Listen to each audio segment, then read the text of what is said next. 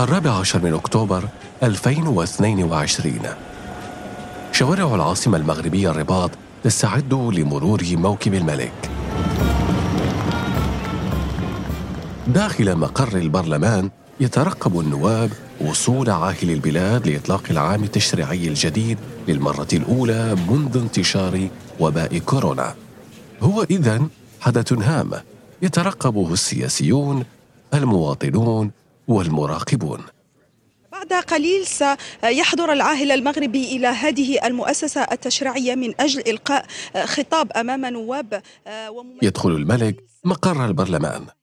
يقف النواب لتحيته. ثم يبدأ خطابه.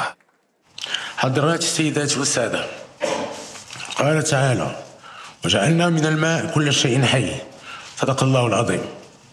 فالماء هو أصل الحياة. ومن هنا فإن إشكالية تدبير الموارد الموارد البالية المائية تطرح نفسها بإلحاح. خاصة أن المغرب يمر بمرحلة جفاف صعبة هي الأكثر حدة منذ أكثر من ثلاثة عقود. بالفعل للأسف آه، آه، بلغ المغرب يعني مستوى عال من نقص المياه في السنوات الأخيرة. نرى ذلك بشكل كبير في في آه، يعني في مستوى الذي وصلت إليه السدود يعني انخفاض منسوب المياه في السدود. فهذا تقرير جديد للبنك الدولي أن المغرب أحد أكثر بلدان العالم التي تعاني من شح المياه. وعانى القطاع الزراعي في المغرب هذا العام من موسم جفاف هو الأسوأ منذ عقود. يعني رأينا انخفاض مهول في منسوب السدود، انخفاض في مستوى الفراشات المائية والمياه الجوفية، مياه سطحية، هناك مشكل كبير يعاني من المغرب كما بقيه دول شمال إفريقيا في السنوات الأخيرة. شح الأمطار وتعاقب سنوات الجفاف يهدد بتصنيف تونس في خانة الفقر المائي. في تونس أقرت الحكومة قيودا على استخدام المياه العذبة في الزراعة في الصناعة والخدمات تتصاعد شكاوى التونسيين في بعض مناطق العاصمة وولايات أخرى بسبب الانقطاعات المتكررة للمياه ليلاً. لا تختلف هذه القيود التونسية عن تلك التي شهدها المغرب. وأمام معطى مشابه يؤكد شح الماء بات ممنوعا غسل السيارات بمياه صالحة للشرب. تونس والمغرب بلدان مغاربيان تتشابه أزمتهما مع الجفاف. فهل هناك حلول بديلة لتوفير مياه الشرب والزراعة. بالنسبة للقضيه ديال تحليات المياه فهذه الحكومة اعطت واحد الدفعة قوية لها في هذا المجال. تحلية مياه البحر باتت الآن اختيارا ضروريا لحل أزمة الجفاف وندرة المياه في البلدان المغاربية. لتحقيق ذلك تسارع تونس الجزائر والمغرب الزمن لإنشاء محطات تحلية مياه البحر على سواحل البحر الأبيض المتوسط والمحيط الأطلسي. فهل ينقذ البحر الدول المغاربية من الجفاف؟ أنا عبد العالي الزهار وهذا بودكاست زوايا من سوا بودكاست. في عام 1960 كانت حصة الفرد من المياه العذبة بالمغرب تقدر بنحو 2500 متر مكعب سنويا.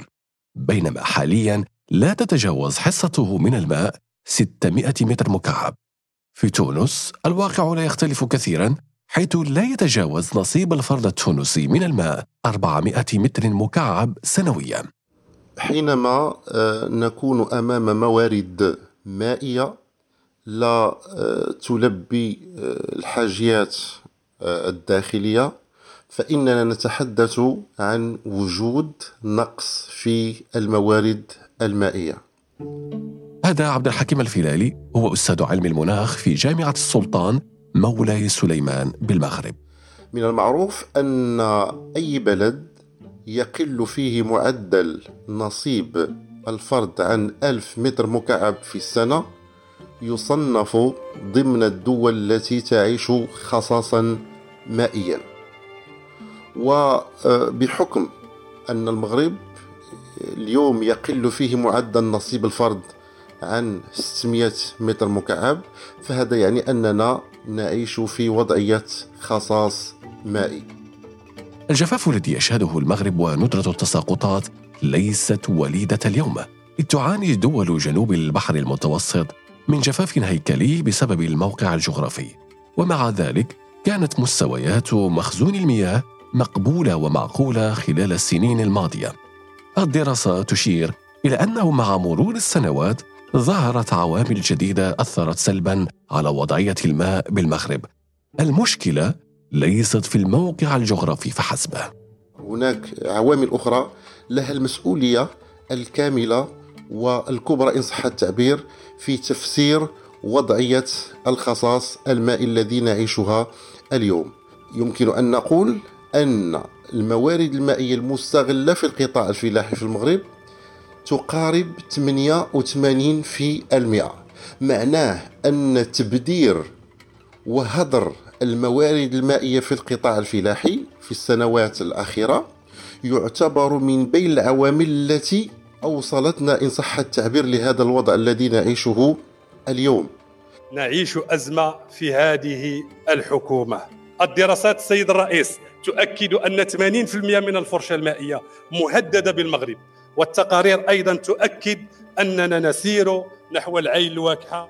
قمنا برفع الصادرات على حساب هدر وتصدير الماء وبالتالي فمن أهم العوامل المفسرة لما نعيشه اليوم هو اختيارات الاختيارات المتعلقة بالصادرات الفلاحية. في عام 2022 حقق المغرب ارتفاعا في حجم عائدات تصدير الفواكه والخضر نحو الخارج. الصادرات المغربية من المنتجات الغذائية الفلاحية والبحرية تحقق أداء جيدا سنة 2022 هو العام نفسه الذي شهد فيه المغرب جفافا وقلة تساقطات مطرية غير مسبوقة. تتصدر قائمة هذه الصادرات الحوامض البطيخ الأحمر الأفوكادو والطماطم وهي منتجات تعتمد على السقي وتستهلك مياها كثيرة. معادلة صعبة. زيادة في الصادرات الزراعية ما يعني زيادة في العملة الصعبة. وبالتالي نموا اقتصاديا كان ثمنه ضغط على الموارد المائية. جواد الخراز المدير التنفيذي للمركز الإقليمي للطاقة المتجددة. إجهاد أو استنزاف المياه الجوفية وحاصل بسبب, بسبب كذلك الانشطه البشرية المباشرة من استنزاف الفرشات المائية من خلال أنشطة زراعية مكثفة ومبالغ فيها. فاعلو المجتمع المدني والحقوقي يتهمون مزارعي البطيخ الأحمر باستنزاف الفرشه المائية. صار حديث الإعلام في السنوات الأخيرة في المغرب مثلا آه، الحديث عن زراعة البطيخ الأحمر أو زراعة الأفوكاتو أو بعض الفواكه التي آه، تكون مستهلكة جدا للمياه. تشكل زراعة الأفوكاتو في المغرب إحدى أهم الصادرات الزراعية في البلاد. إذ تضاعف إجمالي صادرات هذه الثمرة أربع مرات في السنوات الست الماضية. لكن زراعة الأفوكادو تحتاج إلى كميات وفيرة من الماء. هذا الطلب المتزايد على المياه دفع المغرب إلى إعلان خطة طوارئ تقضي باللجوء إلى البحر لتوفير المياه للشرب للزراعة والصناعة. المغرب يعلن حالة الطوارئ المائية ويطلق حملة للحد من التبذير. في السابق كان المغرب يتبع خططا مائية أخرى مثل تشييد السدود لكن يبدو من الواضح الآن أن الجفاف غير المسبوق وانخفاض تكلفة تحلية البحر بسبب التقدم التكنولوجي كانا حاسمين في توجه المغرب نحو إنشاء عشرات محطات التحلية خاصة على الساحل الأطلسية العائق في البداية طبعا كان هو تكلفة تقنية تحلية المياه.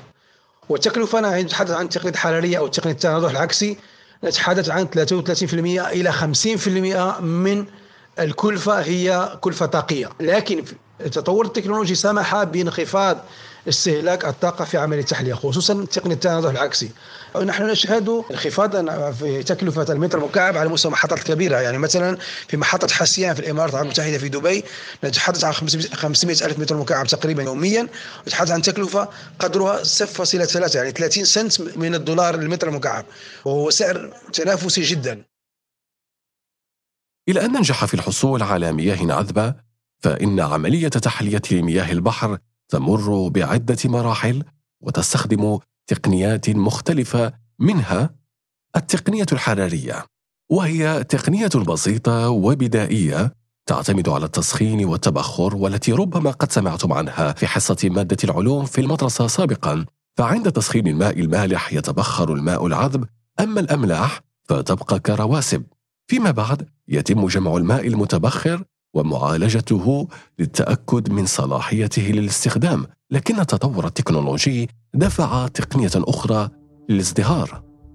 التقنية الأكثر شهرة حاليا هي التناضح العكسي أو reverse osmosis التي تعتمد على يعني أغشية النصف نفاذة تمكن من فصل جزيئات المياه والأملاح. وبالتالي تعطينا مياه عذبة تحول مياه مالحة إلى مياه عذبة صالحة للشرب أو للزراعة أو استخدامات أخرى. التردد العكسية التقنية المسيطرة تعتمد على طبعا ضخ المياه بضغط عال أو بطاقة كبيرة نحو الأغشية ويتم طبعا نفاذ أو مرور أو فصل جزيئات المياه عن جزيئات عن الأملاح. وأن تعطينا مياه يعني قليلة الملوحة أو منعدمة الملوحة من جهة وما يسمى بالمياه المرتجعة التي هي مياه شديدة الملوحة وتحتوي على مواد كيميائية. نستخدمها خلال عملية التحلية. هذه التقنية توفر مياها صافية أو مياها خالصة. خالصة من الأملاح. ومن العناصر طبعا المواد العضويه وبالتالي لكي تكون مفيدة للزراعة يجب تغذيتها ببعض الأملاح. وبالتالي هناك ما يسمى post treatment معالجه الأخيرة بعد عمليه التحلية. يتم تغذية تلك المياه ببعض العناصر لكي تكون أكثر إفادة للتربة وللنباتات وللمزروعات بصفة عامة. هذا بالنسبة للزراعة لكن هل المياه المستخلصة من عملية التحلية صالحة للشرب؟ سؤال نقلته إلى عمر الودادي عضو الائتلاف المغربي من أجل المناخ والتنمية المستدامة سيكون نوع من الطوبوية إن, إن قلنا بأن الجودة ستكون مفسوعة طبعا سنلاحظ على مستوى الأسواق وفي كل البلدان أن هناك أنواع متعددة لا يوجد ماء صالح للشرب ولكن مياه صالحة للشرب ولكل نوع من المياه يعني مكوناتها وخصوصات خصوصيتها. إذا نتحدث عن الجودة. هي مغايرة يعني دائما تعودنا في المدارس أن نقول بأن الماء لا طعم له ربما سيكون نوع من الطعم لهذه المياه واحد نوع من المذاق لهذه المياه المصفاة من المياه ديال البحر ولكن اللي أكيد أن يعني لن تكون مضرة بالصحة لأن هناك سلم للجودة. فمن المياه ضعيفة جدا ضعيفة الجودة جدا إلى المياه الضعيفة المتوسطة والجيدة والجيدة جدا. إذا هناك سلم للجودة وأظن أن القيمين لابد أن يتم ضخ مياه صالحة للشرب وبالتالي تستجيب للمعايير. وقلت هو ماشي ترف هو ضرورة هو يعني ما البديل؟ على شريط ساحلي طويل يطل المغرب من جهة الشمال على البحر المتوسط وعلى المحيط الأطلسي من جهة الغرب. هو شريط ساحلي غني بثروة من الأسماك. في عام 2022 حقق المغرب رقما قياسيا في الإنتاج في مجال الصيد وعائدا ماليا. ناهز ملياري دولار ونصف كما يشغل القطاع آلاف المغاربة.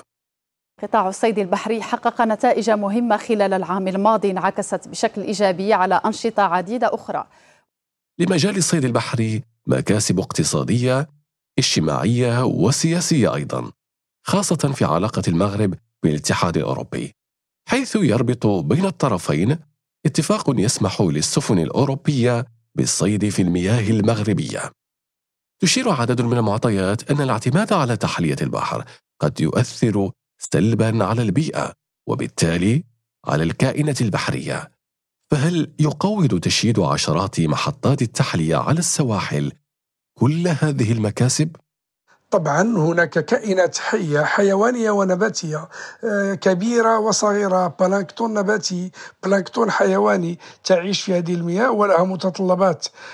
طبعا لأن آه، هي حاملة بيئية آه، كاملة فيها ظروف وشروط للعيش وفيها كائنات حية. ستتأثر بدرجة الملوحة وبتوصيلية ديال هذه المياه. كلها مواصفات كيميائية وفيزيائية لابد أن تؤثر على تلك الأحياء الشيء اللي غيأثر إما على التوالد ديالها أو لا على نمط العيش ديالها وبالتالي سيؤدي إلى انقراض آه، بعض الأنواع ديال الكائنات الحية البحرية. ونعلم أن كل كائن حي موجود فهو له دور في آه، إقامة التوازنات الطبيعيه يشكل إعادة تفريغ الأملاح المتبقية من عملية التحلية في البحر مجددا إحدى هذه التأثيرات المقلقة. قبل الشروع في أو قبل الموافقة على انشاء محطه تحليل في مكان ما يجب التأكد من أن ذلك المكان لا يؤثر على أنشطة الصيد لا يؤثر على آه، آه، أماكن آه، يعني تبييض الأسماك أو أماكن تواجد اليرقات والاسماك الصغيرة وغيرها من الأشياء التي يجب أن تؤخذ بعين الاعتبار. طبعا التأثير الأكبر الذي نتحدث عنه عادة هو المياه المرتجعة. المياه المرتجعة كما قلت سابقا هي مياه ناتجة عن عمليه التحلية. يجب أن تكون هناك شروط كذلك لتحية في مياه البحر بحيث يكون هناك آه، بعد عن الشاطئ بمسافة معينة 3 كيلومترات مثلا وبعمق معين. ويجب أن يكون هناك ديفيوزرز بمعنى هناك مشتتات لأدوات المشتتة لتلك المياه المرتجعة بحيث لا آه، تتركز في في في مساحة صغيرة. آه، حتى يقل تأثيره على المحيط البيئي.